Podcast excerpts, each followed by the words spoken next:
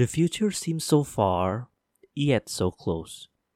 We walk and live our daily lives only to realize that we'll eventually arrive at the future.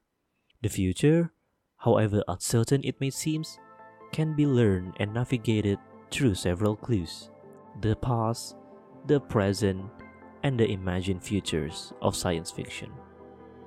This is Podcast Imaginative Season 2. Tom Standage, a British journalist, author, and editorial executive of The Economist, write in Toolkit for Predicting the Future, saying that to see what lies in technology, it helps to look in three places the past, the present, and the imagined futures of science fiction.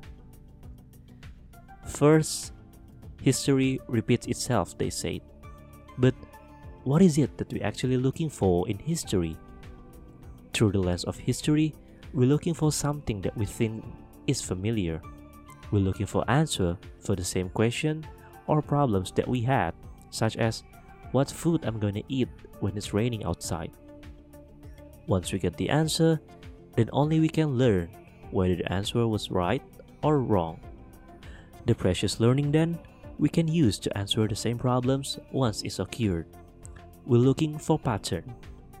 In terms of technology, new inventions often provoke concerns that they will destroy privacy. For example, first Kodak camera caused a panic over surreptitious public photography or paparazzi back in 1880s, just like Google Glass did in 2013. New inventions also oftenly accused of corrupting the morals of the young or deprive people from their jobs. This takes us back to the timeless philosophical question of whether mankind are blessed or actually cursed with the gift of fire. Just like concerns over privacy and job, new inventions also provoke protests and social unrest for those who can keep up with technology in online transportation apps early days, we can see so many fights and quarrel happen. That pattern, both in technological or in societal, can be used as learnings for new inventions and innovation to grow in modern society.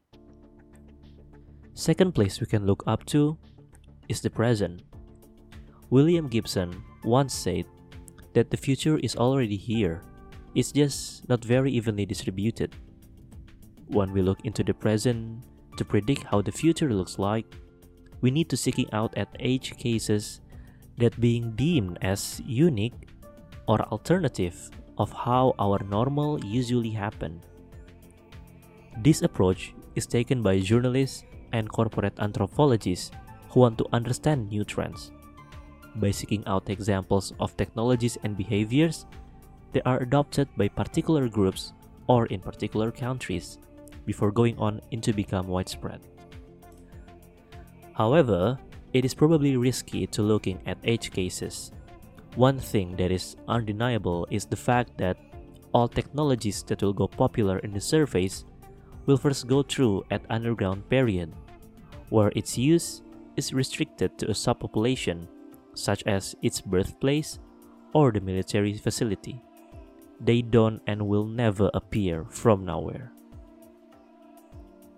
The third place that we can look into to predict the future is the imagined futures of science fiction, the vision thing. If you are looking at sci-fi movies, books, or such, you can find a tons of reference on how the future probably looks like. From dystopian era of authoritarian, just like George Orwell's 1984, into utopian of human bubble with Wall-E and robots with emotions cleaning up our planet.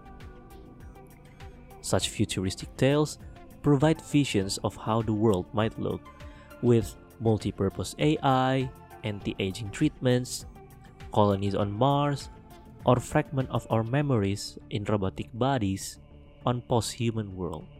Elon Musk calls it as branching probability streams of the future.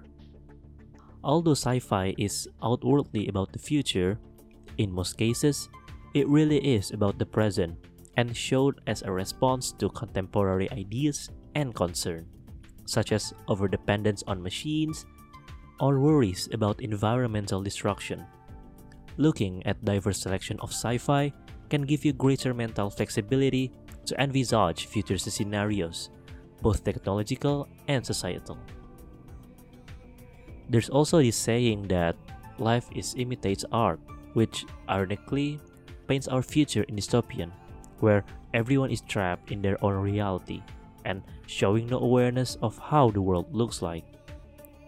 I believe that we as human always have choices on what kind of future that we would like to have. See you in a minute, everyone.